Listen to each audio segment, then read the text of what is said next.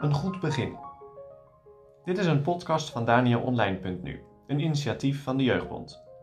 Luister iedere werkdag naar deze podcast en ontdek de boodschap van de psalmen voor jou. Vandaag met Martine van Hartingsveld, eindredacteur van het blad Danio.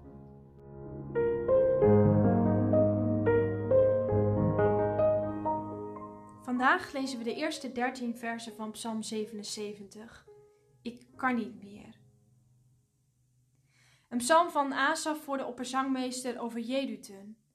Mijn stem is tot God en ik roep. Mijn stem is tot God.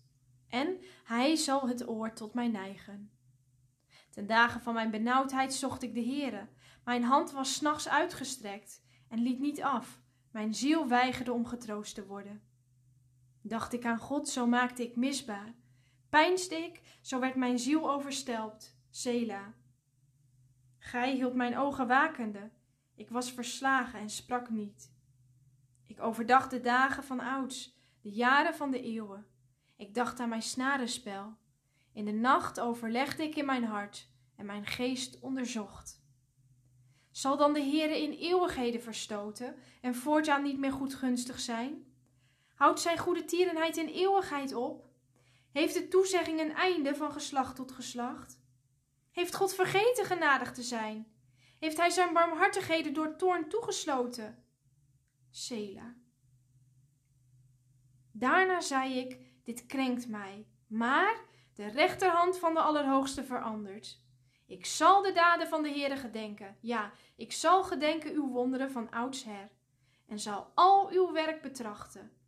En van uw daden spreken.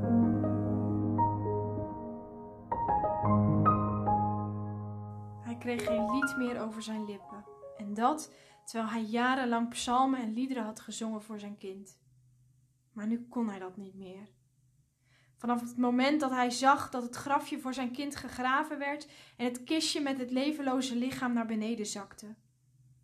Mensen om hem heen zeiden het hem: Denk aan de Heere, hij is goed, alles is in zijn hand. Maar hij kon niet. Hij bleef verdrietig en mensen waarschuwden hem daarom. Hij voelde zich nog slechter en nog zondiger.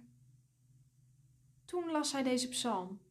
Hij herkende zich in deze psalm, want deze psalm geeft lucht aan verdriet, ruimte aan rouw. Het staat er gewoon. Als ik aan God denk, kreun ik. Juist, in de nacht, als het donker wordt, valt de benauwdheid de dichter aan. Hij piekert, hij topt, hij krijgt het benauwd.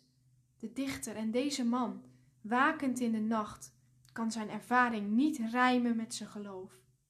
Want hoe zit het dan met God, met zijn belofte? Je hoort de dichter als het ware denken. Zijn gedachten worden geformuleerd in vragen waar hij zelf het antwoord niet op weet.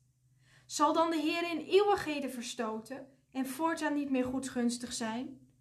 Houdt zijn goede tierenheid in eeuwigheid op? Heeft de toezegging een einde, van geslacht tot geslacht? Heeft God vergeten om genadig te zijn? Heeft hij zijn barmhartigheden door toorn toegesloten? En na deze vragen klinkt het antwoord. Het is mijn tekort dat ik denken zou dat de hand van de Heer het niet kan omkeren. Er is meer om te denken dan alles wat ik op dit moment denk, concludeert de dichter. En daarom zal hij de daden van de Heere gedenken, zijn wonderen gedenken. Het is alsof hij een fotoboek pakt en dat doorbladert en de geschenken telt die God hem heeft gegeven. En daarna pakt hij het woord van God, zoekend naar sporen van licht en van hoop. En dan komt de Heer verrassend dichtbij. De psalm verandert. De dichter gaat ineens over naar de tweede persoon. En hij zegt: O God, heilig zijn uw wegen.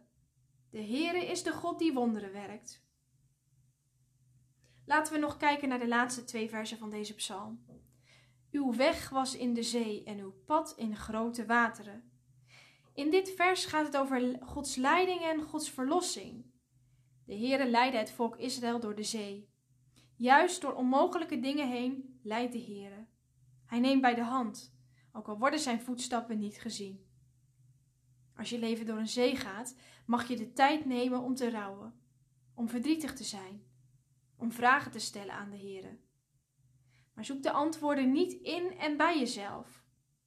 Loop niet weg als je de Heer niet begrijpt, maar pak je fotoboeken erbij. Tel zegeningen. Pak de Bijbel erbij.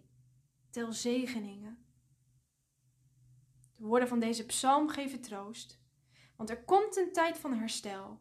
Want God leidt, net zoals Hij het volk van Israël leidde door de woestijn. Heb jij ook het gevoel dat je weggaat door de zee? Dat je je best moet doen om niet weg te zinken?